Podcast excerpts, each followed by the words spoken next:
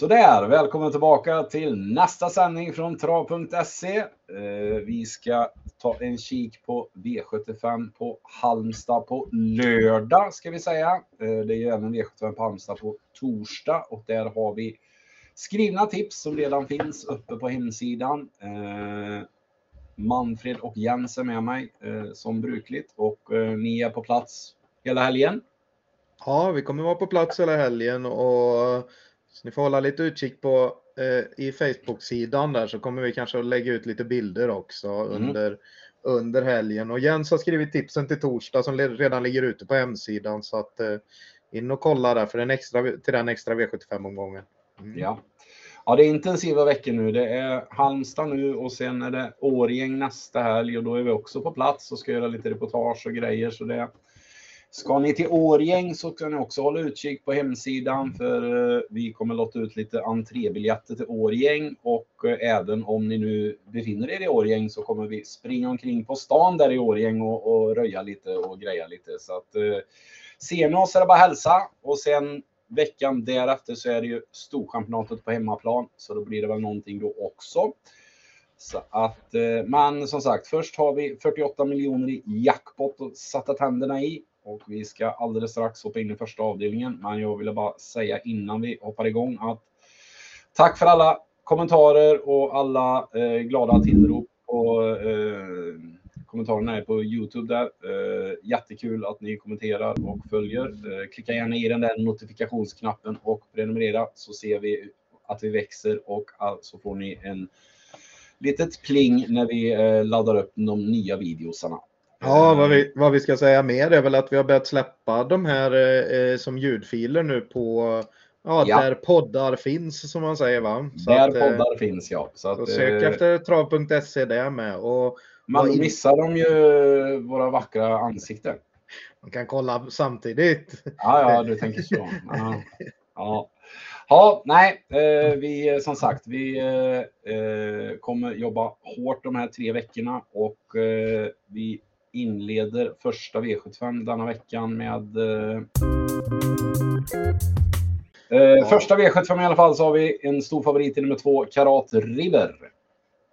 Jajamän, första V75 på lördag då alltså. Och mm. eh, ja, det här är väl en eh, eh vettig favorit helt klart. Så att vi är väl inne på att att den verkligen, eh, om man kan säga det någon gång så är det en häst som har samlat ihop till en vinst så att säga. Den har ju varit en följetong här på V75 hela, hela, året, hela, hela våren här och in på sommaren och, och gedigna insatser hela tiden. Så att ah, nu är det väl dags på hemmaplan och Johan låter ju påställd och allting. Va?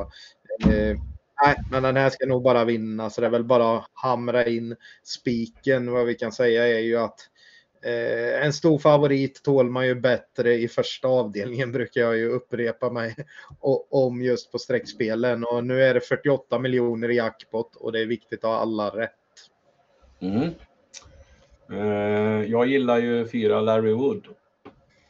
Ja, det gör jag också. Jag var ju inne och varnade för den här när den var säkrad på några enstaka procent. Eh, nu var den ju bra senast på Kalmar, men däremot så tycker jag väl att insatsen som sådan var lite över, överskattad eh, så att säga. Inte kanske inte överskattad, men jag, jag tyckte väl att det var en rätt så normal insats ändå. Det gick ju fort i täten och eh, satt på det tredje, fjärde ytter och gick på och höll farten, höll farten jättebra. Men eh, det är också det som, som i alla fall jag har känt med den här hästen det här året, att den tål göra lite mer jobb eh, i spåren och eh, den här insatsen var väl lite grann som de första starterna i år när den mötte enklare, men den visade ändå att den, den, är, den är lite mer rejäl och gedigen nu. Eh. Så att eh, ja, jag tror att den här kommer få ett bra år, men det är ändå hårt att den ska stå eh, eh, Karat River, den här eh, varje Wood är inte så jättestartsnabb heller, så att jag tror väl ändå att Karat River kommer till ledningen och då, då ska det vara jättebra chans. Eh, vi ska ju säga det att det finns, det vimlar inte av startsnabba från de från framspåren. Det är väl tre behind bars, stallkamraten, som, är, som har visat lite startsnabbhet, men den, den har ju felat en hel del också. Jag har varit lite skeptisk till, till, till formen där, för jag tycker inte det har varit riktigt samma eh, Geist som det har varit eh, i våras när det var riktigt bra och nu tycker, tycker jag väl på något sätt att det har blivit en del galopper där den nästan har, nästan har, nästan har slängt in handduken. Så, så att, eh, men kan den komma till ledningen och, och släppa till Karat River så jag tror visserligen att de allra flesta släpper till Karat River. Så att, ja, det, jag rekommenderar spik definitivt. Eh, mm. Det är, väl inget, det är väl inget man egentligen, egentligen vill göra när det är så stor jackpot och det är så stor favorit. Men ja, det, jag saknar, saknar väl saknar väl de här motbud, heta motbuden som har form helt enkelt. Ja. Ja, ska vi prata om de som vi inte tycker har form då, till exempel så är, så är det ju de här en bit ut på vingen 6 och 7, 6 Achilles face eh, som, eh, som verkligen har varit en besvikelse då. Va? Eh, eh, en häst som lovade mer och nu kommer den från en strykning också så att ja, det är kanske det är inte mycket att gå på och eh, den är ju ja, den kommer ju ha ett gäng starter till i silver här medan Karat River gör ju sin sista start i klassen och där är man verkligen, nog verkligen inställd på att man vill vinna. Sju Charlie Brown F eh, som är en härdad silverhäst eh, och, och liksom är väl huvudet högre än en hel del andra här men, men just från spår 7 då och sen och, och att man har eh, klagat lite på det att den har lagt bort mycket energi innan loppen. Den har varit lite hingstig i år helt enkelt när den har kommit till banorna och så. Och, och, och då går det inte att spekulera i att det inte ska vara så den här gången bara helt plötsligt. Eh, sen, sen, kan det ju ebba ut under säsongen och att de, att de presterar bättre sen om de blir lugnare längre fram på säsongen så att säga. Men, men, det, men det går ju inte att bara gissa sig till. Men eh, det, där är det i alla fall amerikansk vagn nu när det är, är autostart och där brukar den gå i. Eh, jag tycker att det, eh, på de tidiga systemen så är det lite låg procent på den så ska man gardera loppet så är det väl de här fyra och, sju som är, är lite intressanta då. Mm. Det man kan säga om, det kan man, man kan säga om eh, Achilles face, det, man anade ju lite en uppgång i slutet av förra året. Jag tycker att vi hade ju, jag hade lite del på den där på Bergesro, om det var på uh, minnes memorialdagen när vi förra spik och då var det ju riktigt bra.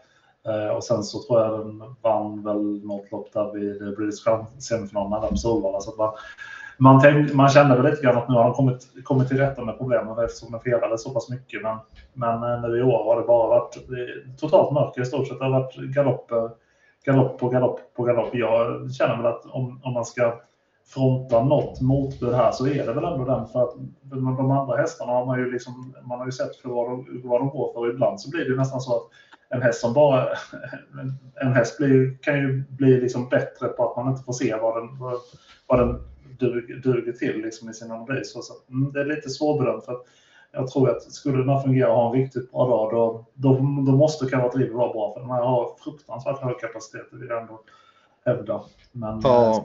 Du måste också visa det lopp. Vi kan även nämna ett Mustang Racer som det blev lite skrik på sist. Eh, eller det var många, några som hade den som lite idéer där och så hängde han ju på en amerikansk vagn väldigt sent.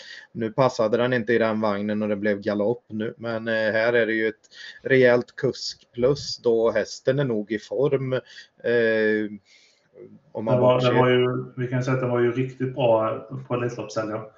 Eh, där han hade spår 15 i spårtrappa och kom bra till men, men höll, höll riktigt bra. Och, eh, dessförinnan så var den väl ute och mött, eh, mött eh, Francesco Zet och Castro de Star och var trea där och var, var väl ganska så bra då också. Så Precis. Det, det är nog rätt så bra form. Men, Ja. Men det är väl ingen, det är väl ingen, det är ingen jättestartraket. Så att, eh, ja. Nej, det är ju det som ligger den i fatet, att den kan hamna, bli över här från start. Eh, men eh, låga procent, 5-6 procent, då skulle Magnus A väcka upp den lite grann och kanske, kanske ha den där turen att hålla ryggledan. Men det, det är ju osannolikt. Men ja, tredje inner då och lite luckor så. Men, men, men då måste, att den ska ta tre längder då kanske på Karat River till slut. Då måste ju Karat River vara lite, vara nedsatt av något helt enkelt. Men, men nej, för de som garderar brett så, så är det väl tänkbart att ha med den på läget ändå. Mm. Vi eh, inleder med spik på två Karat River och så hoppar vi till andra avdelningen. Och då är vi framme vid eh, ett intressant eh, lopp eh, med en spårtrappa där vi har en favorit i nummer två, Winner Brodde och Erik Adielsson.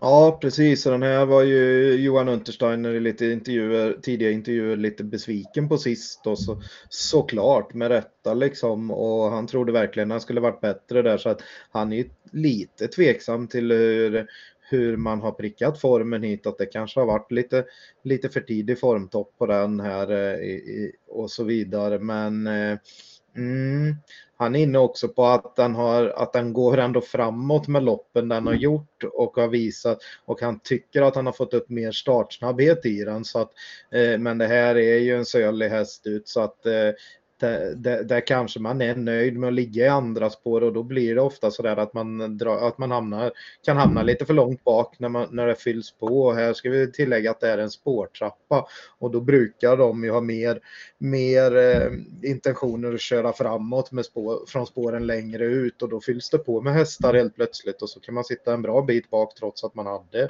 bra utgångsläge. Så att vi inne på att det här är en favorit i fara och eftersom vi går på en stor favorit i första avdelningen och, och, och vi kommer att, att, nämna ett par bra favoriter lite längre fram här så, så, så är vi inne på helt enkelt gå emot den här. Mm. Ja, eh, ja, vad ska man säga? Eh, jag brukar ju vara, jag brukar ju i stort sett alltid gå emot den här. Jag tycker väl inte riktigt, alltså den har höjt sig så, men det är ingen häst där som bara går ut och vinner på V75 om man ska anknyta lite, lite till det du sa, det här med att den inte är så snabb ut. Man, man ser ju ofta i diverse, diverse tipsspalterna man har ändå en, en häst som, som är en favorit, till exempel som har spår men som inte kan svara upp ledningen. Då, då ser man ofta att det står sitter, sitter i andra spår direkt.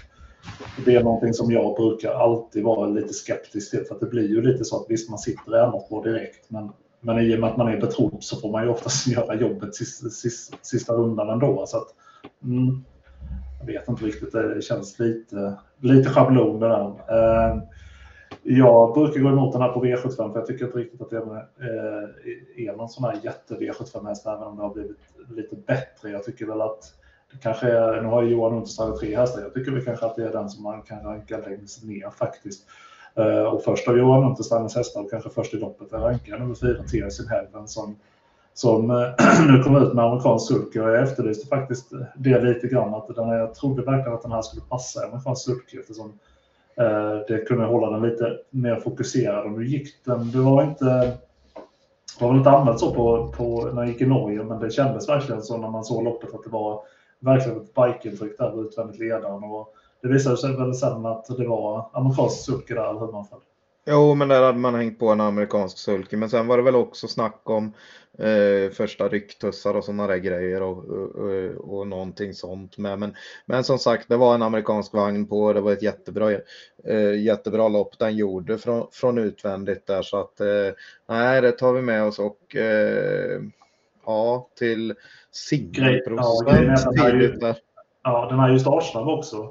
Och vi läser väl spetsstriden så som att eh, nummer 6 Run for Sebastian brukar ju alltid vara väldigt, väldigt snabb eh, och eh, tycker väl inte att det finns så himla många andra startsnabba så jag tror att den tar spets men det vet inte riktigt om, om den kan om den ska köras i spets på, på V75 och då tror jag faktiskt att Peter Understeiner kan vara först och, och överta för den har visat startsnabbhet innan och det blir ju intressant sen med biken för biken kan ju också om man sett i många fall att det kan öka startsnabbheten. Så att vågar nästan, ja, jag vågar nästan lova att han släpper med Run för Sebastian. För eh, Håkan och Stefan är ju bröder så de lär ju prata ihop sig och Håkan vill ju att den här ska ha en resa i ryggar. Så att eh, har väldigt svårt att se att Stefan ska gå emot det och bara helt plötsligt svara allt. Det är ju om, om det inte skulle komma någon. Ja, det, det, tror inte jag heller. Men däremot så kan man väl säga att den den, är ju farlig, den, den kan ju vara farlig med, om, om luckan kommer för att den är ja, ja. Väldigt, väldigt speedig och nu har den ju testats barfota och är obesegrad på två starter.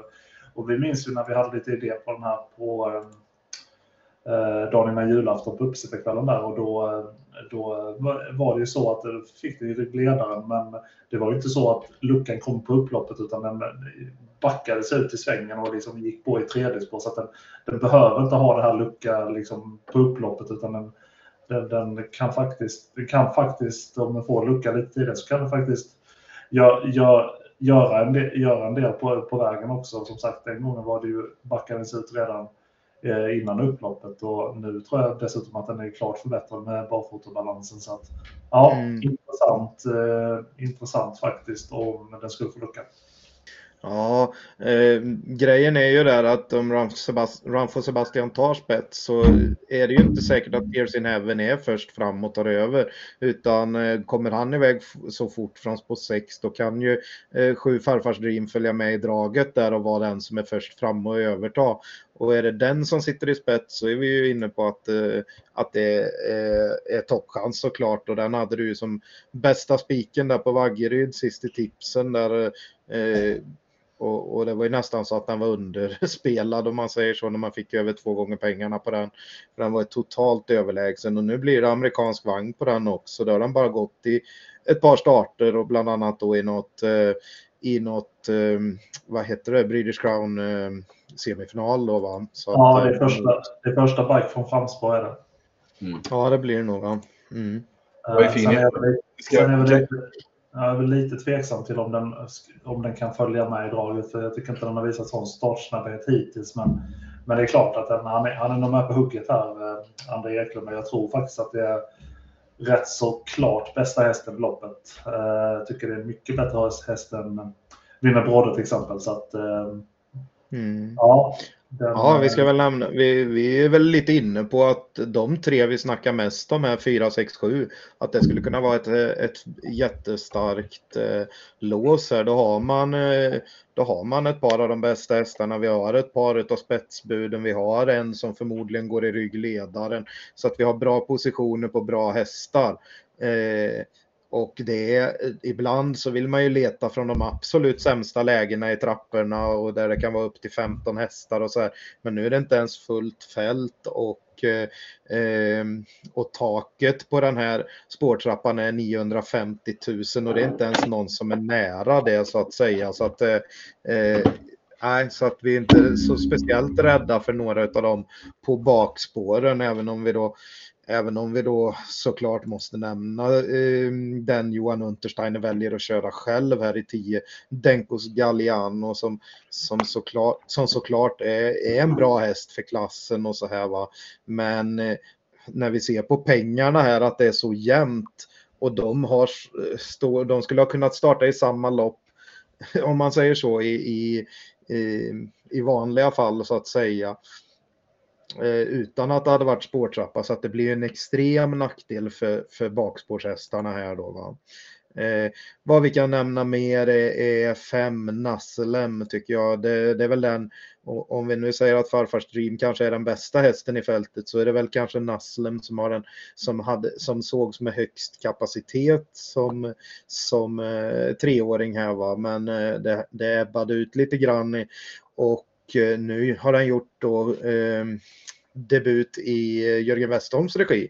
Och eh, ja, var väl lite, lite seg där i första starten för honom, men det, men det kan man väl anta att de ska vara. Och så, speciellt om man då siktar mot någon V75-start som nu till exempel när man hänger på den amerikanska vagnen och så sätter upp Mats E. Ljuse. Så att från, från ett toppspår och om det blir lite höjning på den så, så, så ska ju den vara rätt tidigt till så låga procent. Spelvärdet är högt på den.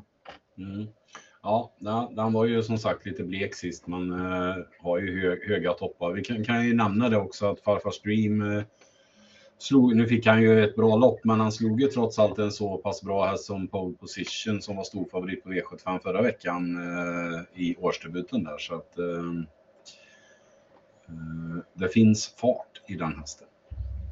Vi kan, ja. väl, vi kan väl nämna även nio Blackfire som jag som då Alltså en stationerad på Halmstad och har följt mest hela karriären. Det här är ju en häst som alltid haft ett gott rykte och hög kapacitet. Vi minns ju att eh, hästen vann det här loppet förra året när eh, den testades med amerikansk sulky för första gången och det sa pang från eh, start och sen så vann den väldigt enkelt.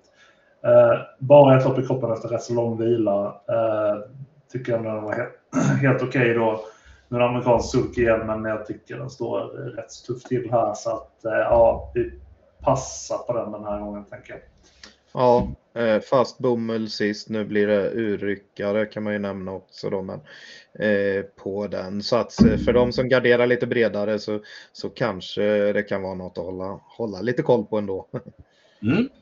Vi eh, låser andra avdelningen då på eh, 4, 6, 7 och eh, antar att 6 Brown för Sebastian tar ledningen och släpper till antingen Tears in Heaven eller Farfars Dream.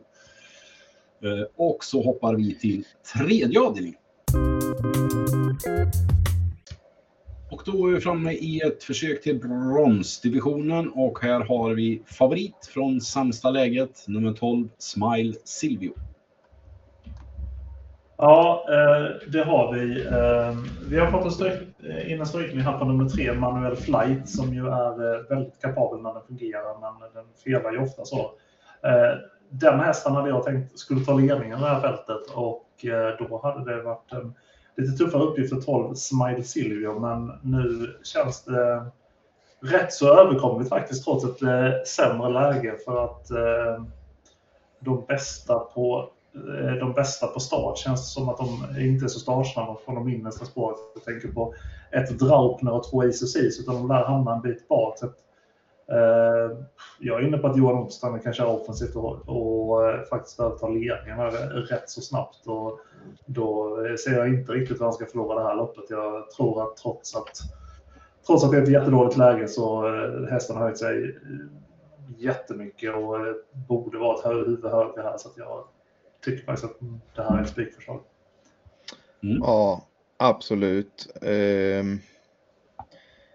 Även om den nu, jag brukar ju vara lite allergisk mot sånt där när man går upp ett par klasser eh, snabbt och så vidare. Den här var ju ute då, vinsten kom i final i klass 2 och så direkt upp i brons. Men det här är ingen vettig eh, bronsdivision alls. Vi har sett tuffare klass 1-lopp kan man väl säga under, under året här. Så att eh, det, det här, den här bronsdivisionen blev inte så bra som man hade hoppats. Och, eh, men vi hade ju fått en ordentlig match om Manuel Flight hade varit med, varit med i matchen då så att säga. Om den hade till exempel kommit till spets så hade det kanske inte varit så, så enkelt för eh, Johan att lägga upp loppet. Ska han gå fram och, och, och, i döden stå? När ska han gå och så vidare. Men nu som sagt när den försvann, det var den enda som stod riktigt bra inne och, eh, och, och eh, nej det, jag tycker det är lite för tunna hästar däremellan så att vi är inne på att det, det kan vara en spik. Va? Mm. Eh, ska man gardera loppet så, så, så är det ju på det läget att den skulle kunna bli hängande för länge i tredje spår. Att det, att det blir lite strul med hästar i vägen och så vidare. Och, eh, nej, men det, det är lite svårt vad man ska gå på då. Ja, eh, det var ju, har varit mycket snack om den här, den heter Draupner. Eh, ja, vet inte riktigt. Jag känner mig lite sådär. Visst, den har formen, men det, det, är ändå lite oklart varför faktiskt. Den, den, den gör bra lopp mest hela tiden, men den, det är ju inget extraordinärt. Mm. Nu, eh, ja, spår 1 och den har inte visat någon startsnabbhet och är ändå uppemot 15 procenten kanske går upp ännu mer och det tycker jag alldeles för mycket. Jesper Rydberg vinner ju inte på beställning. Eh, nu har han ju höjt sin segerprocent i år, men, men eh, ja, eh, det känns väldigt tveksamt. Spetsstriden nu när Manuel Flight försvann med Cogito är ju snabb ut och går ju i stort sett bara i ledningen men jag tror faktiskt att Global Bodyguard är ännu snabbare. Den här hästen har ju fått några lopp nu i regi André Eklund och nedstruken nu ett eh, spår på den amerikanska sucken på. Så jag tror att den här bombat till spets, men jag tror absolut inte att den körs där. Och, mm, ja, eh, nej, det, det, här med motbud, det var lite svårt i det här loppet så jag tror väl att som sagt att eh, det är, bara, det är svårt bara att liksom hitta ett främsta motbud för jag tycker inte det vimlar riktigt av dem. Så att jag, som sagt, jag tror att Smile Silver, Smile Silver minst ett huvud högre än de här. Ja, precis. Nej, det är väl de här andra eh, från bakspår då i så fall 10 How the Hill Are You och 11 Dominic Vibb som skulle kunna vara aktuella. Mm. Ja, och... Eh, Dominic Vibb var ju, den har ju felat väldigt mycket och jag har ju följt den här ett tag men nu var det ju rätt så bra sist eh, faktiskt i det här loppet som eh, Crown Wise Ass vann. Men det är lite svårt att ta det loppet på allvar för det var väldigt många hästar som försvann där. Det var ju knappt några kvar till slut. Så att, men ja, den här har, hög, den har ganska så hög kapacitet och eh, har varit nere i Frankrike lite också. Så att, eh, och nu fick man ju se lite grann att eh, nu fick man ju se prov ändå på vad den kan. För det har varit väldigt mycket galopper sedan den kom tillbaka till Sverige. Ehm, Dante Colgjini upp. Jag tycker han kör bättre och bättre faktiskt. Ja, precis. Och den här How the Hill Are You har ju eh, kan väl vara lite intressant på regibytet och det va? Eh, ja, det har väl inte varit någon jättehöjning för Ola Samuelsson ändå. Jag har gjort, har gjort rätt, jag har ju ändå gjort eh, en hel del starter. Det har väl inte, ja, utan, utan, utan, att vara dålig så har han väl inte, ja, har väl inte rosat marknaden helt. Nej, men han har samtidigt, samtidigt, bara gått i vanlig vagn för honom och mm. sist så var det ju bricka 12 över kort distans. Så ja. där, där, kanske man letade efter en liten hälta att stryka för så att det, det, är inte säkert att, den, att det behöver varit så allvarligt. Eh, men nu blir det ju som sagt första amerikansk vagn i den här regin och, eh, och eh, tränarkört sist. Nu blir det Stefan Persson upp så att skulle vi få se en höjning där så är väl 1 lite lågt i alla fall. Mm, jag såg en annan intressant sak. Så Small Silvio har 6000 startpoäng exakt. Eh, ja. Eh, så tittar man på de andra, det är 800, 700, 1200, 500. Ja, de, får, de får skrapa ihop sina tillsammans. För att ja, nästan. Så att, eh, det är väl också någonting som eh, man ändå kan säga som eh, stärker aktierna lite. Att den har ju varit ute i tuffa gäng och gjort det bra. Så att, och de andra kanske är lite lite, lite på nedåtgång då. Eh, vi har ju även eh, sex Lucifer Boko vet jag ni pratar lite om som egentligen inte riktigt har fått visa vad han går för. Nej, jag tycker ju att den här är rätt så bra, alltså rätt så bra häst och tycker väl inte riktigt att den har, den är mycket bättre än raden tycker jag i alla fall. jag tycker vi hade en höjning i, i höstas i alla fall när, den, när det var lite mer ut, utrustning. Men mm, jag vet Alla, inte riktigt. Nej, de rankar ju ner den här med står det, men kusk i form. Ja, just det. ja, eh, det är väl tufft att nämna som, det som något litet plus där när, när det växlas ner från Gustav Johansson då som, som vi får se, se som en riktigt bra körsvän här så att säga. Eh, det har blivit lite så med, med lite mindre rutinerade kuskar i det här loppet gör ju också att, att Johan kanske kommer köra med lite bättre eller ännu bättre självförtroende. Mm. har inget, inget illa ment mot Wilma Karlsson, hon är jätteduktig, men vi har ju ändå liksom, det, det, jag menar det är, det är Jesper Rydberg från innerspår, sen är det Jorma Kontio med en häst som inte kan öppna och så är det Rick Adelsson med en häst som inte öppnar så bra och så är det Oskar Ginman, Wilma Karlsson, Robert Andersson. Det är liksom inte sådana som vinner V75 varje vecka direkt. Nej, det var det vi snackade om innan med här och även Dante Colgini radar väl inte heller upp, upp V75-segrar så att eh, men, eh, Nej, så att det, det, är väldigt tunt däremellan. Så att det, det, är Smile Silvio eller så får man måla på med ett gäng då och, och hoppas. Och då får man nog spela som någon form av reducerat system och kanske vikta insatserna. Eh, och ta med lite C-hästar eller om man väljer att spela poäng. ja, hur man mm. nu bygger upp det. Va? Ja, vi eh, spikar 12 Smile Silvio och så hoppar vi till fjärde avdelningen. Och då är vi framme i Vången Cup-finalen, lärlingslopp. Det är eh, 15 sugna eh, kuskar och vi har en favorit i nummer fyra, Emir och eh, Andreas Lövdahl. Ja, precis. Och nu är det eh, Nurmos tränat som åker långresa och här ska man rycka alla skorna för första gången och det är spår 4 i volten och den kommer från ett galoppmisslyckande så att eh, det är väl verkligen en favorit i fara då med, med de här förutsättningarna får vi väl säga och eh, det, det blir väl att den är sträckad mycket på att det, det står Timo Nurmos och det står Andreas Lövdahl i det här, den här typen av lopp. Han är ju så nära proffs man kan komma här va. Mm. Jobbar väl fortfarande ett, ett, par dagar i veckan ute hos Timo Nurmos men jobbar även med, med att bygga upp en egen verksamhet numera. Så att ja, han är så nära proffs man kan komma och hans hästar står eh, skrivna på om det är hans sambo eller något liknande vad, vad jag har förstått tills han får ut sin A-tränarlicens då va. Eh, så att eh, nej, det är väl, eh, han är väl lite för bra för att vara med i Vången Cup egentligen, men det, det blir också att han gärna drar lite extra streck så att eh, ja, den här är det absolut inget spelvärde på. Vi kommer att gardera loppet brett. Mm. Ja, eh, han, eh, han må vara för, eh, för bra för de här loppen, men jag tycker inte riktigt att häst, hästen är lika bra för de här loppen. Jag visste att den har varit ute i eh, lite hårdare gäng på Solvalla, men jag tycker att den här ser inte rolig ut i, i loppen. Det är en väldigt, väldigt märklig stil och eh, ja, stor häst är det också. Spår 4 spår fyra från början. Rycker alla skorna. Nej, går man inte emot en sån här så, man väl, så, så kan man väl i stort sett inte gå emot någon utan den här måste man helt enkelt gå emot.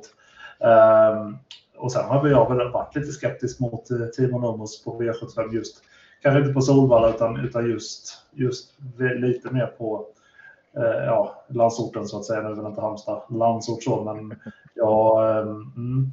just i lägre klasser så tycker jag att han har oftast rätt så betrodda och jag tycker att de levererar väldigt, väldigt sällan. Eh, tycker att jag har inte koll har inte någon jättekoll på vilken statistik det är, men den, den, kan, inte, den kan inte vara över 50 procent i alla fall.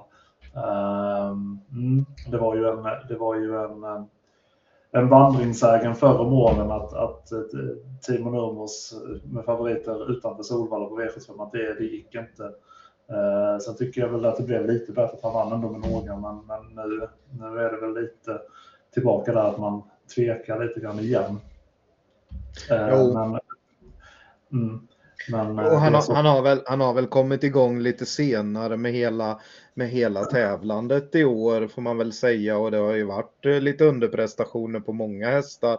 Eh, han har sållat ut i stallet ska vi, ska vi också nämna. Han har inte lika många som, som harvar på på V75 utan de har plockat bort några av de äldre hästarna och, och, och satsat på ännu fler unghästar. Så att, eh, eh och, och det såg vi ett kvitto på vid förra omgångens finaler då hade de faktiskt inte en enda häst till start på, på Bergsåkers finalomgång och det är väl eh, lite uppseendeväckande.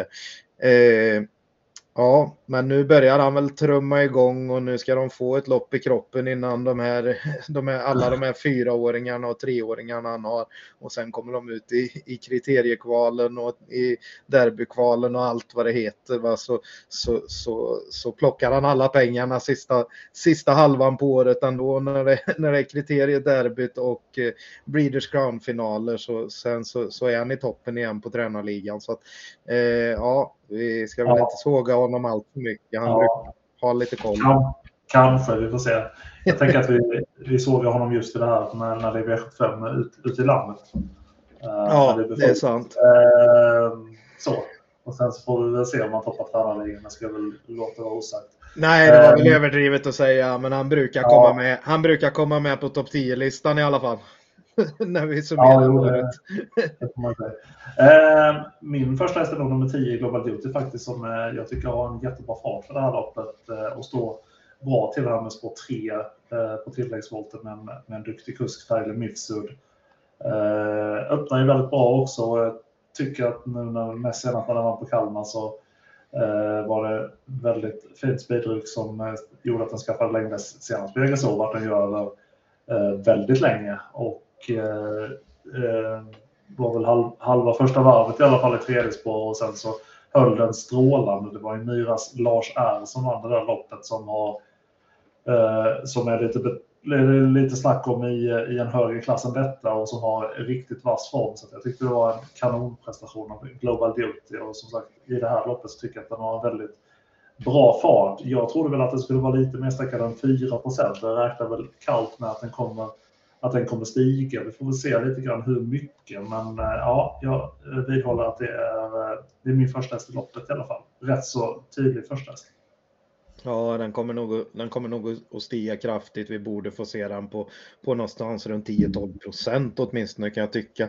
Sen blir det ju lite konstigt med procenten i den här typen av lopp när det verkligen är ett fullt fält och, och, och folk har sina favoritkuskar och så vidare och några de inte känner igen alls. Och, och så vidare. Så att eh, vad vi kan säga om loppet är att det inte håller en riktig V75-klass. Det är tillägg på 180 000 och då borde de här hästarna som har gjort lite fler starter med, med upp till 450 000 på tillägget ha väldigt god chans att plocka in plocka in de här 20 metrarna för att det här är ju hästar som normalt sett hävdar sig mot, mot bra, eh, i bra eh, klass 1-lopp som är riktiga V75-lopp. Medan om vi skulle sätta in hästarna på startfållan i lägsta klassen, kanske klass 2 där då, så, så vet jag inte om de skulle räcka till riktigt. Eh, kommer ändå spela med ett par hästar från start. Jag tar med favoriten. Eh, vi tar och sträckar Ulf Stenström tränade här två Ransom Tile från bricka 2 med duktiga Gustav Johansson upp. Eh, den hästen gick ju rätt bra på Vaggeryd sist så att eh, ja, singelprocentare på den och jag tycker sport 2 i volten är ganska bra där. Eh, från ett av springspåren väljer jag att sträcka sju budets Olof. Eh, ja, lite ja, så. Där, där är det ju ja, faktiskt lite kusk plus nästan kan man väl säga va? Ja det är det och den har varit uppåt nu i två starter efter, efter i ny regi faktiskt. Ja, så är det ju. Och den är rätt så snabb ut också, så att, eh, absolut. Ja, precis. Tre starter till och med kanske. Men, eh, och, precis. Men, men sen sträcker vi nästan allihop på tillägget. Eh, eh, ja. ja, vi hade ju, vi hade ju nummer, nummer 13, Dodes, tror jag att uttalade rätt, som vi lyfte upp lite i tipsen senast. Den var ju ute på Vaggeryd då också. Jag tycker jag gjorde en helt okej okay insats. Jag tror, jag tror väl att den fick Går lite för tidigt i det här loppet. Den är väl vassast när den får gå en kort speed. Eh, då tycker jag att den är riktigt, eh, riktigt vass. Men eh, i det här loppet så när det är lite sämre emot så kanske inte det behövs att den får det här superultimata loppet. Nummer 14, Bulls Ice, tycker jag eh, har mycket bättre chans än sina 1% just nu. Det är nog mindre än 1% till och med. Eh, två lopp i kroppen nu, eh, två lopp i år eh, och jag tycker att senast då var det klart uppåt. och var första barfota för i år och hästen fick en lite tyngre inledning men sen så tycker jag faktiskt att eh, det var lite sparat till slut. Jag tyckte det var helt okej okay insats. Jag har sett alla de här loppen när den gått barfota runt om och det har faktiskt varit en klart, klart förbättrat. Hästen eh, höll på att vinna första gången den gick barfota i det här upp till bevis förra året och då var det strul mest hela vägen och sen bjöd det på en jättefin avslutning och den här kan eh, röra, sig, röra på sig en bit. Att den får upp speeden lite mer när den går utan skor. Uh, eh, och vi kanske ska nämna det men jag säger upp till bevis för alla som inte vet. Det är det här loppet där de som i stort sett inte kör alls får uh, köra en gång om året. Alltså tränarna också. Att det, blir, det blir ofta lite konstiga körningar och så var det, så var det sannolikt förra året. Uh, så att, men jag tycker 14 bull size är lite intressant här faktiskt. Mm. Ja, det är jätteintressant såklart. Och eh, nej, och sen har ju det hemmahäst också, men det är också eh, Labiad Bros som eh, kommer med to absolut toppform här. Tre, tre raka, men det har ju varit lite i i spets. Va? Men eh, som vi sa innan, Vilma Karlsson, hon är ute och startar till och med i de vanliga klassloppen här och mot, mot proffsen. Så att eh, hon är ju duktig för den här typen av lopp. Men nu är det ju bakspåret, ensamt bakspår på tilläggsfållan va? Mm. Vi, får, eh. vi, får se, vi får väl sätta en kurs som står sig väl eh, i det här loppet och som var väldigt mycket i ropet runt Elitloppet. Det är Malte Hanfeld som kör nummer 12 Dynamic Twister.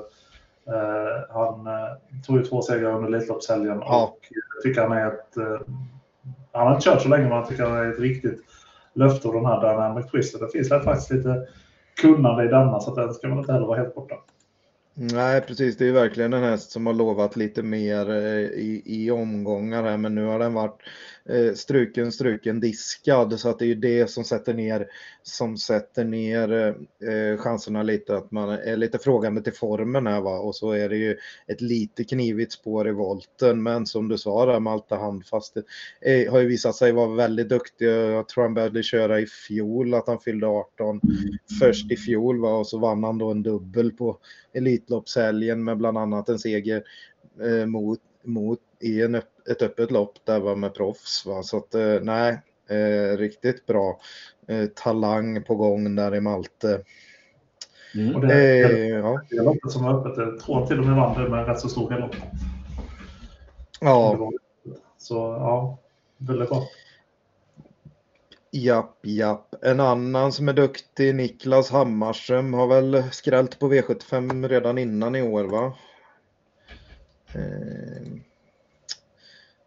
Han har eh, nio kommer lång från sport 2 här i volten och eh, eh tycker inte den hästen behöver vara eh, helt oäven till låga 2 Vad tror du om den Jens? Ja, jag är lite tveksam faktiskt. Jag har sett den här eh, mycket här nere på Halmstad Jägersro. Det är väl ingen riktig... Ja, jag, jag, jag, jag är skeptisk där faktiskt. Den, den, är, den har inte jättemycket fart i Farty. Den, den är en bra, bra häst för att tjäna pengar och, plat, och platsa så, men ja, lite tveksam ändå faktiskt. Mm. Och så har vi eh, 11 Gilmore Trott. Eh, kommer väl med lite form va. Den vann ju på Rättvik näst sist. Eh, har fått då två lopp i kroppen i år och Ja, den kanske kan hävda sig. Den står ju väldigt bra inmatchad på pengarna i alla fall och, och vinner ju ändå en del lopp. Mm. Eh, gick, vann, den gick väl någon 12-tid till och med i fjol där över full, full väg så att mm. Ja, det är ett öppet lopp som sagt och eh, eh kan väl eh, upprepa det du sa tidigare där att eh, Hästarna på tillägg eh, känns lite hårdare än eh, hästarna på start och eh, vi väljer att sträcka på lite på tillägg här. Och det, sen vem som får det där loppet, det ska ju klaffa lite och så vidare. Och så vem som får det där loppet, men, men det känns som att någon på tillägg kommer hamna bra på det och den kommer nog ha hyfsat bra vinstchans. Så kan man säga. Ja, vi väljer, jag tror att vi tar och plockar bort en av dem jag hade markerat där innan. Vi, vi tar bort kommer lång då på att den ja. inte räcker. Nej.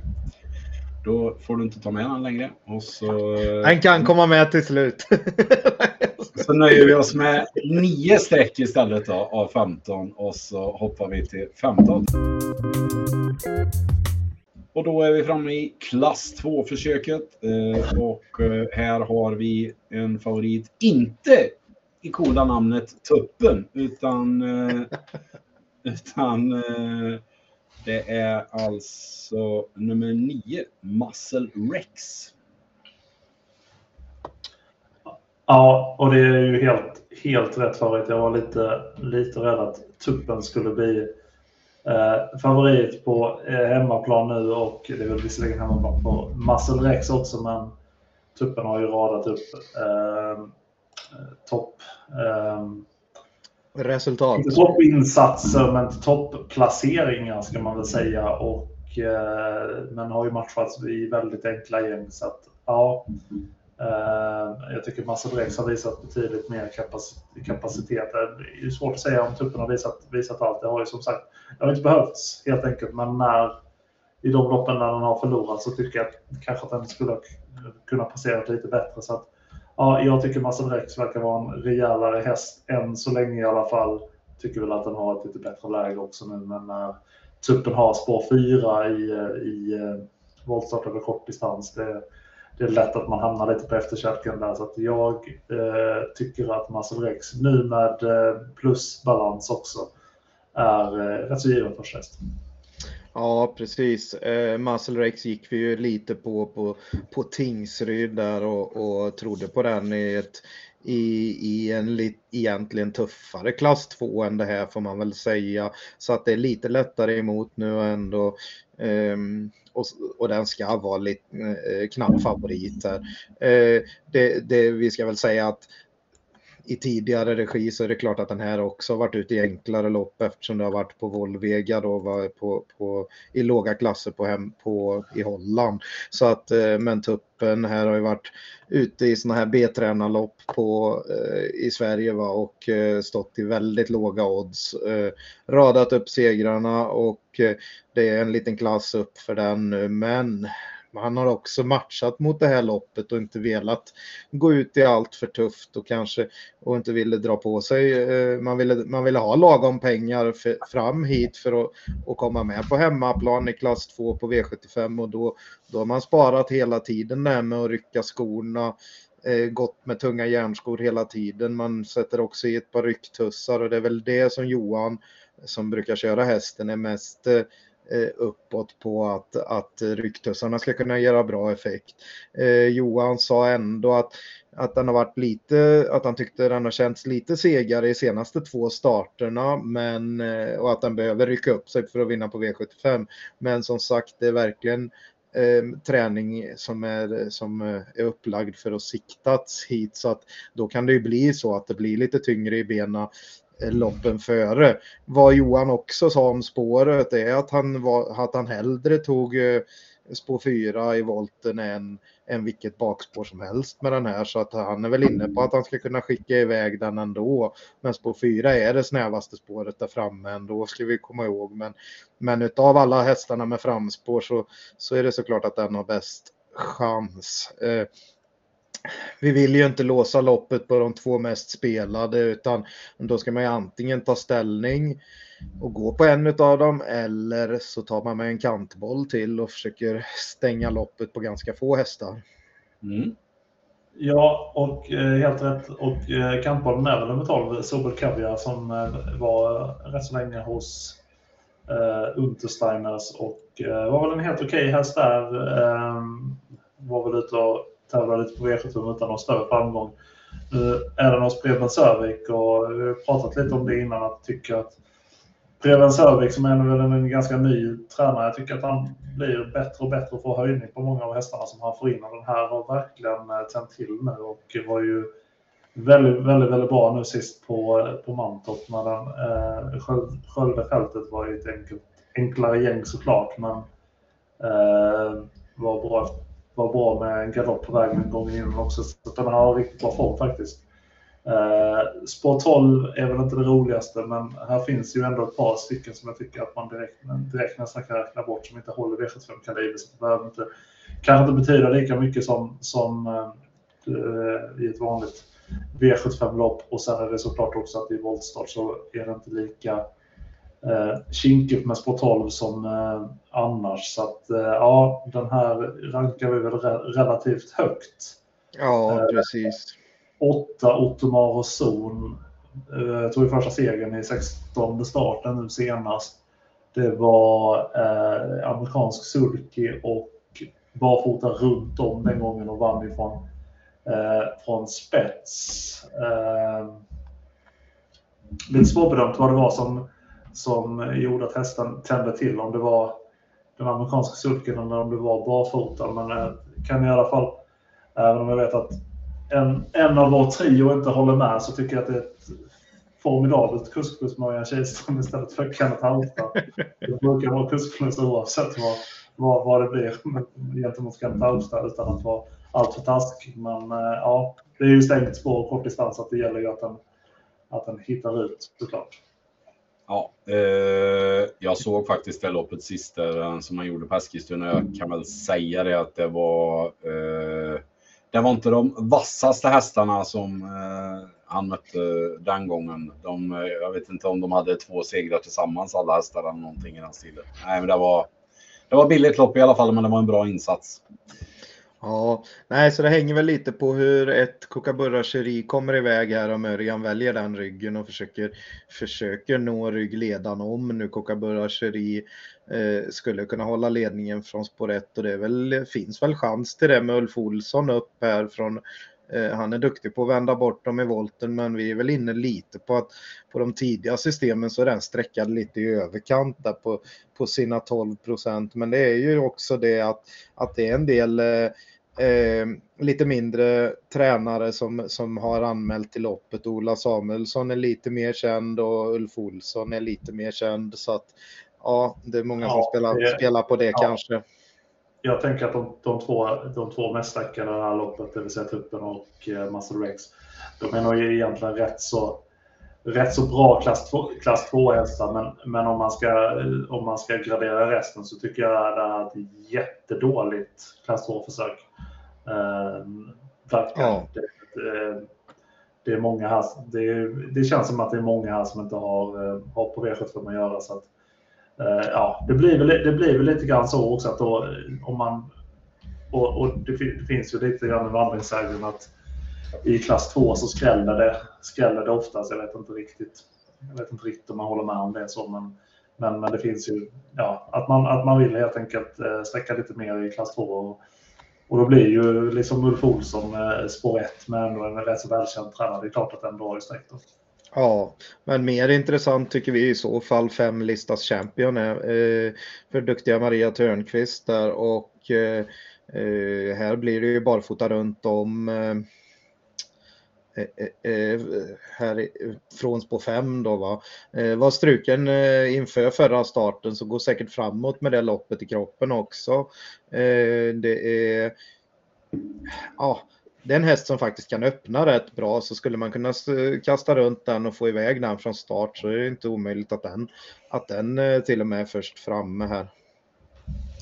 Nej. Eh, nej, och vad vi pratade om det här med 12 Sobel Kaviar, att den har bytt eh, tränare från, från eh, Untersteiner hade det stått Untersteiner som tränare här på hemmaplan eh, på storhelgen, då hade det inte stått 3 där heller kan vi väl säga för att det är en häst som, vi, som har, har sett med god kapacitet ända från, från starten då så att säga. Så att, eh, Mm, där får man verkligen en låg procent på att, på att det är en lite mindre tränare. Men eh, Prebens Övik har vass statistik tycker vi på slutet här. Senaste mm. året egentligen.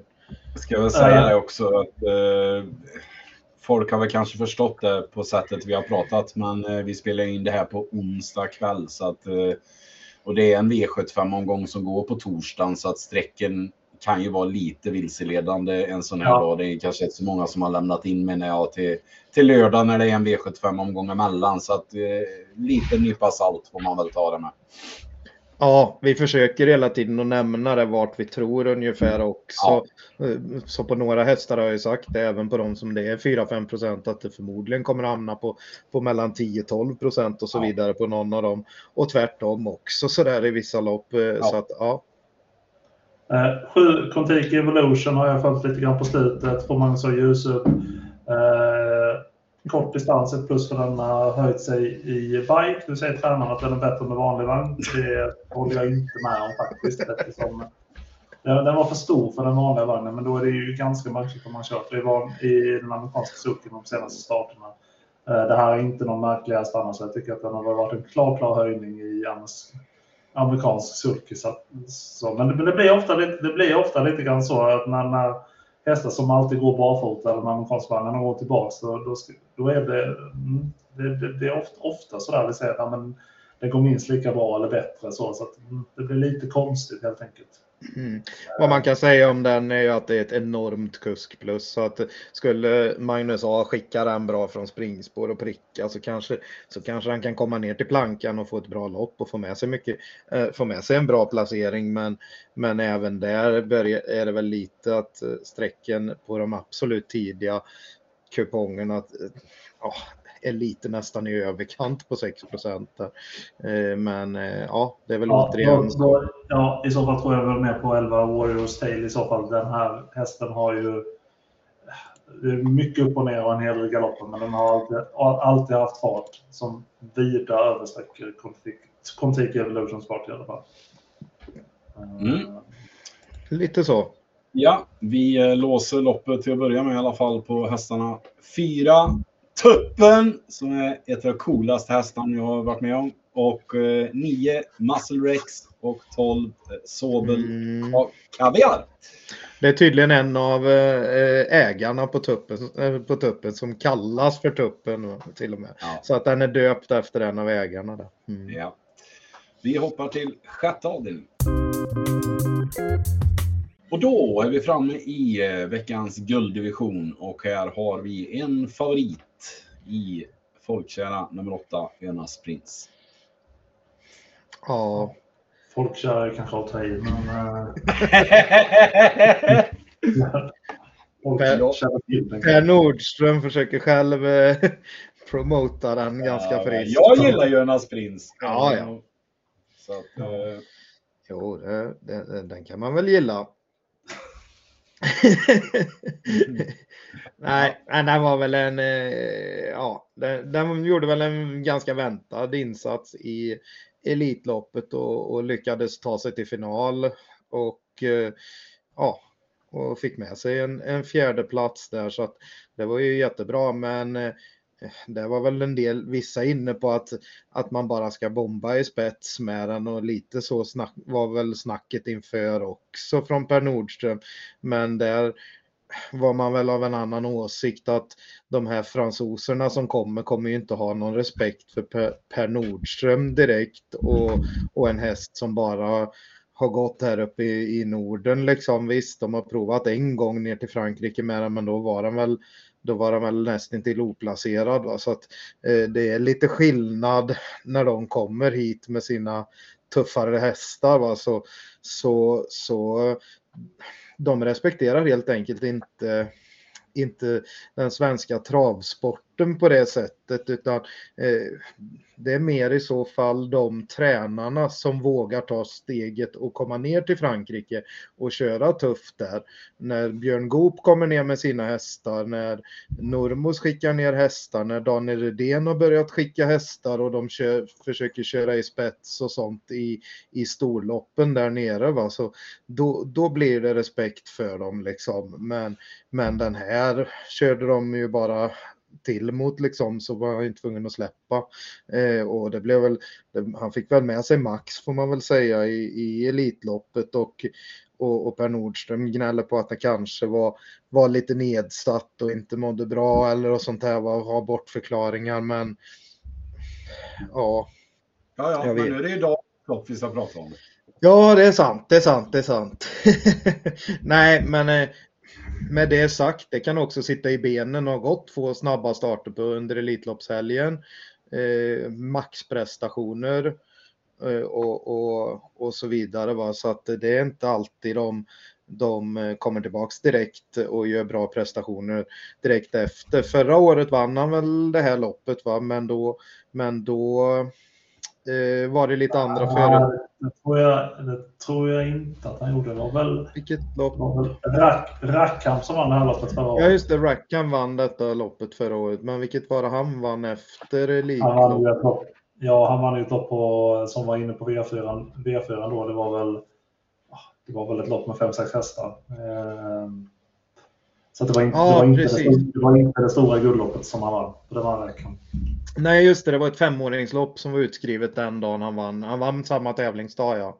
Ja. Eh, ett femåringslopp. Men då hade han ju hunnit göra ett, en start till eh, efter Elitloppet det året. Så att då var han nog kanske bättre förberedd till den här tävlingsdagen om man säger så. Eh, nu, nu är det väl lite tveksamt då med formen. Och, närmare, och den kommer ju säkert att bli en jättestor favorit här. Eh, säkert närmare 50 procent. Jag tror han går över 50 procent. Du tror det ja? Ja, Ja. det tror jag. Ja. Spår 8, spår 8 kort distans är ju, hade ju kunnat fungera om man hade bara kunnat köra till spets. Men här har vi ju rätt så dugliga hästar innanför honom som eh, inte heller kommer bara vilja släppa ledningen till honom. Nej, precis.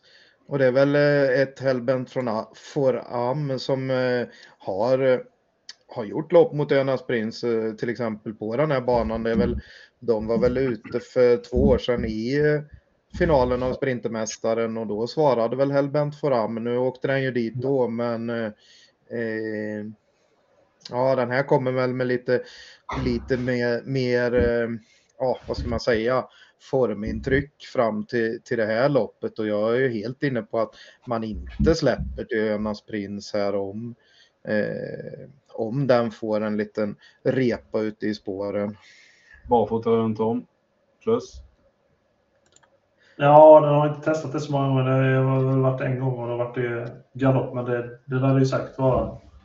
Uh, men, ja, precis. Det var ju...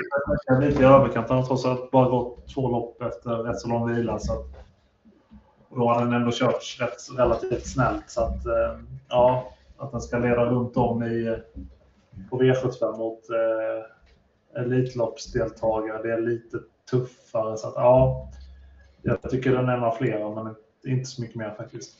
Ja, precis. Den har bara testat barfota runt om en gång som treåring och det var i, i eh, kriteriet och då eh, galopperade den. Stod i tio gånger pengarna.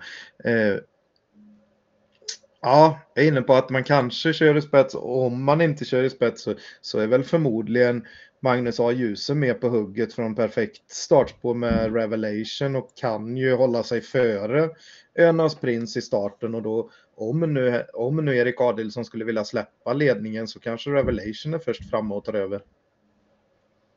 Mm. Eh, den visade ju rejäl fart där när, man, när, den, eh, när han styrde på sist och så rullade han ju över i galopp och eh, det var ju det loppet på Rättvik som Best of Dream Trio var totalt överlägsen i och och eh, bakom gick Admiral As till exempel bra som tvåa och där hade nog Revelation varit ganska klar tvåa och kanske till och med kunnat utmana om, om segern om den hade hållit den farten den började få upp där i, i svängen. Det såg väldigt laddat ut. Men det är ju en häst som inte är att lita på. Eh, kommer med två raka galopper så att mm, men den visar ju mm. som sagt fart mellan galopperna och kort distans och Magnus A börjar väl lära känna hästen mer och mer här så att eh, här är det ju väldigt tidiga, tidiga procent får vi väl säga att som sagt Önas Prins kommer säkert att trenda uppåt mer. Hellbent Foram kommer säkert gå ner lite. Eh, Revelation måste ju stiga lite. Den kan ju inte ligga kvar. Den, den måste ju upp på en 12, 13, 14 procent ja. kanske. 12, 14 procent. Det tror jag. Det, annars klassen på loppet annars då. Vi har ju.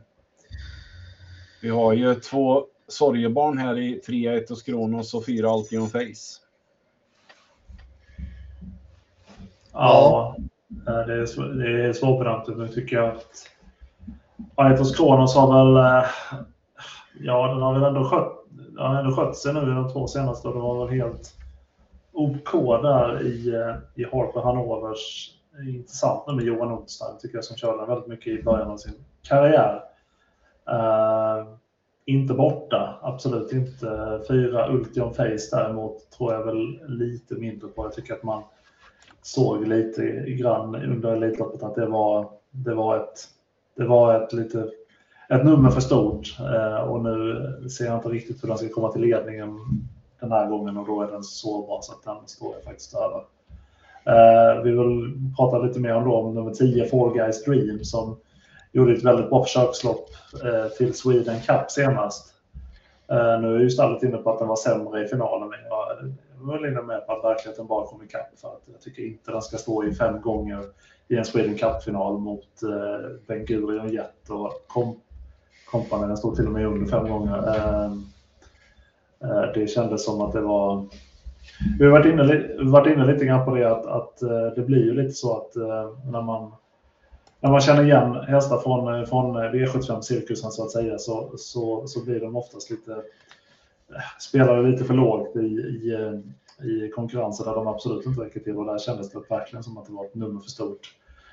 Med det sagt så blir det lite tempo på loppet och kanske Eh, någon av de bästa kommer bort lite eller får en tyngre resa så, så är den här alltid bra på hemmaplan och har en jättefin speed. Brukar all, man har pausat lite men brukar alltid gå bra efter paus och framförallt på hemmaplan. Så att, eh, ja, jag skulle inte räkna bort den här.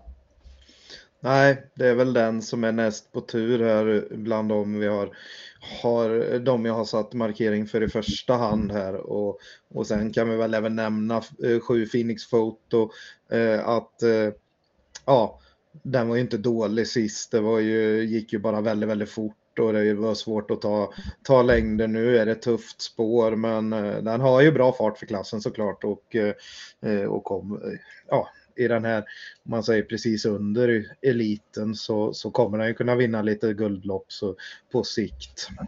Ja, nio Unico Broline däremot tycker jag inte har varit lika bra i år. Eh, den tror jag får svårt att komma in i, komma in i matchen även om det är lite kuskplus nu med Kihlström. Ja, Nej, bakspår blir tufft helt enkelt här. Det kommer att gå fort hela vägen. Man ska ta de där längderna till slut och det är inte helt enkelt.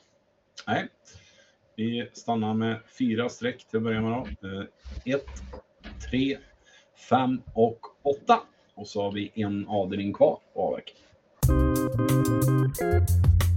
Och då är vi framme i klass 1-försöket och eh, det är som sagt det avslutande eh, V75-loppet på lördagen och här har vi en favorit just nu i fyra, Kapten Brodde. Ja, precis. Och det är väl rätt favorit. Det är ju eh, från ett perfekt spår här och det är bara att köra framåt för Magnus A. Den här hästen står ju perfekt inne, inmatchad i klassen. Nu blir det, eh, den har gått eh, jättemånga starter i rad barfota fram och vunnit på det. Nu blir det barfota runt om för första gången och ja, litet kusk plus mot sist dessutom. Normus brukar ha starkt tränat. Jag tror att den här skulle kunna till och med bli släppt till ledningen efter en bit i, i kraft av sitt favoritskap så att säga.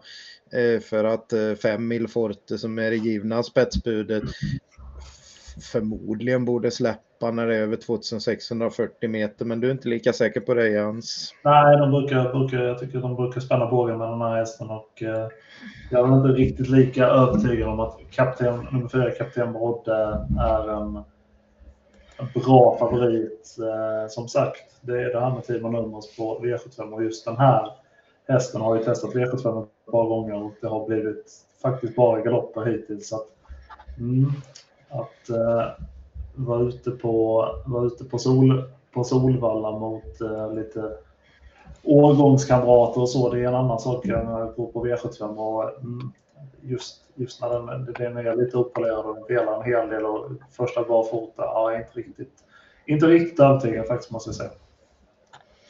Nej, men vi kan väl säga att det här är en som verkligen inte fick med sig några pengar eh, i de där eh, som var skadedrabbad eh, som unghäst. Så att den här har ju hunnit bli sex år. Det är klart att man kanske ska dra, dra, dra åt sig öronen om de, om de börjar komma upp till åren och är sex år och fortfarande kvar i klass 1 så att säga. Då. Men, eh, men det här men den här har inte gjort så många starter så att det finns nog eh, verkligen utveckling kvar i den och, och Eh, nio vinster på 14 starter. Jag tycker ändå det är en vettig favorit och, och, vi får se vart procenten kommer att hamna på den här. Det finns ju alltid risk att, att det stiger på en favorit i sista avdelningen och då, då är det inte lika roligt att gå på. Eh, du är inne på att loppet är totalt vidöppet och det är det ju bakom och jag, ja, vi får sträcka ett gäng här. Jag håller inte med. Ja. Du håller inte med i vad? Att det är totalt vidöppet. Det här vinner ju Nyras, Nyras Lars R.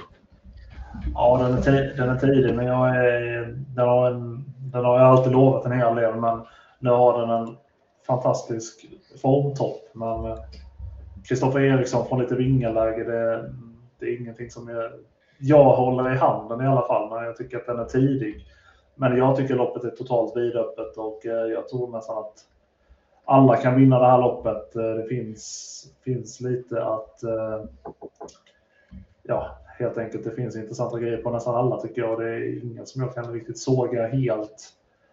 Och jag är absolut inte säker på att fyra Kapten Mod för bästa hästen. För det tror jag nästan att de elva Jim Baranzon är faktiskt. Som alltid har lovat jättemycket och eh, var ute i rätt så tuffa lopp som eh, som, eh, som treåring. Och, men den har ju haft det problemet att den har felat väldigt mycket. Men nu två senaste månaderna har den, har, den, har den travat och den har satt, sett, faktiskt sett jättefin ut. Och, eh, distansen tror jag inte är något minus. Vi ska säga att det är ett, ett ett lopp över den långa distansen och det har hästen visat sig klara galant sen tidigare. Nu ska vi inte prata så mycket om sträckprocenten men det känns som den här kan bli sträckad lite i underkant. Eh, den är riktigt vass just nu så att 11 Jimbaranzon tror jag eh, man måste ha med väldigt tidigt. Absolut, eh, jag håller absolut med där. Radar upp fina insatser och nu, på bar, nu har den funkat bra på barfota fram där och då, då fortsätter man väl med det kan man anta. Eh, nej, absolut så och ett kaxig in stod ju lite konstigt till på Vaggeryd där på det där tillägget men avslutade väldigt fort där och, och Eh, där körde man väl, man körde väl till tidigt där och ja. kom hela vägen till ledningen va?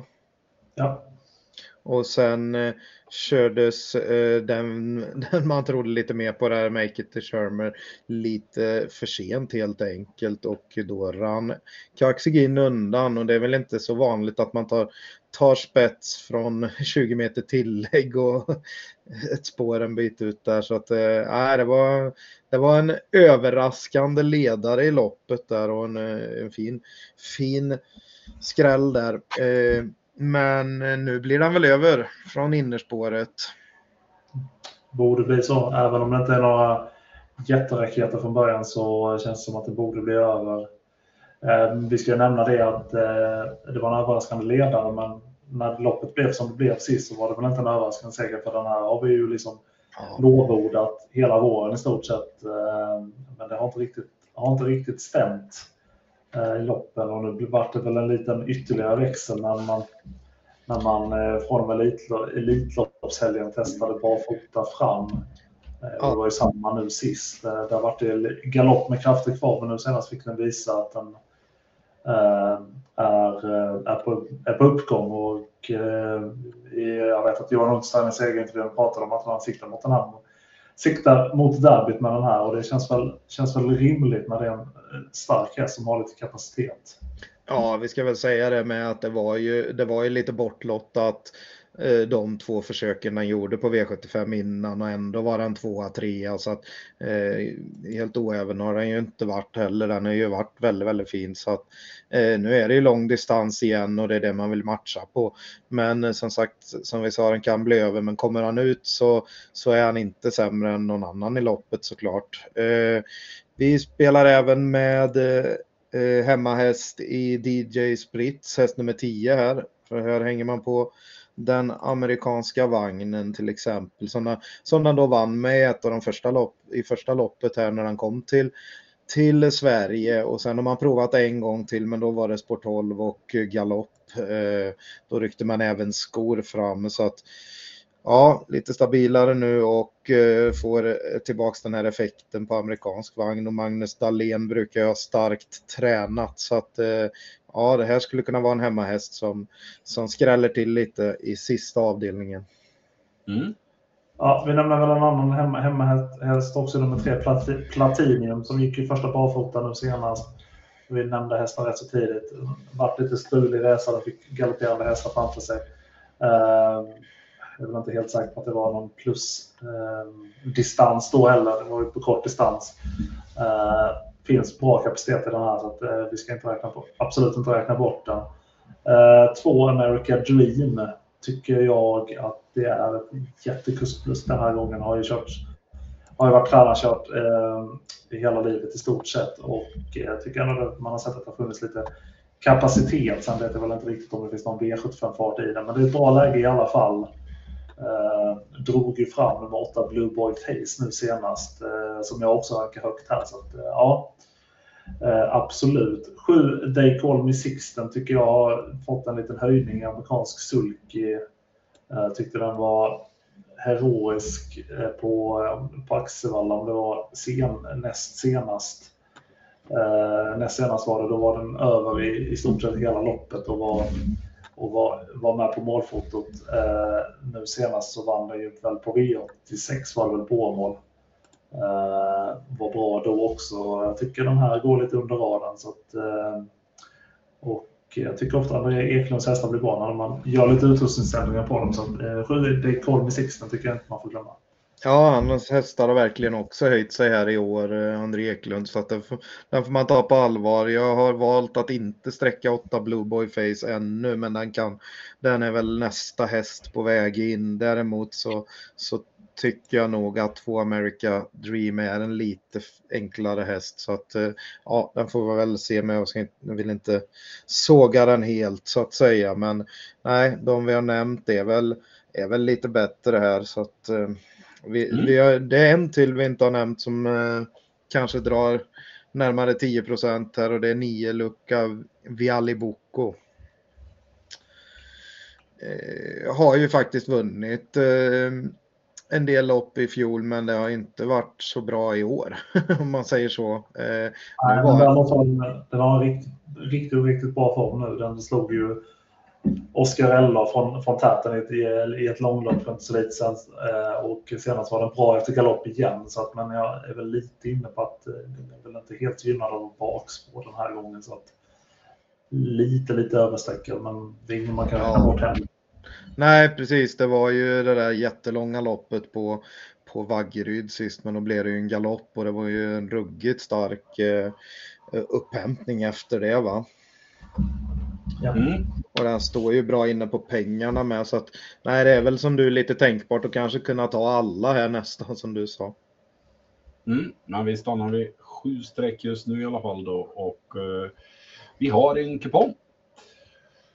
Uh, ska sammanfatta lite snabbt. Uh, för er som vill skriva upp raden så är den som följer. Uh, avdelning 1, spik på nummer 2, Karat River.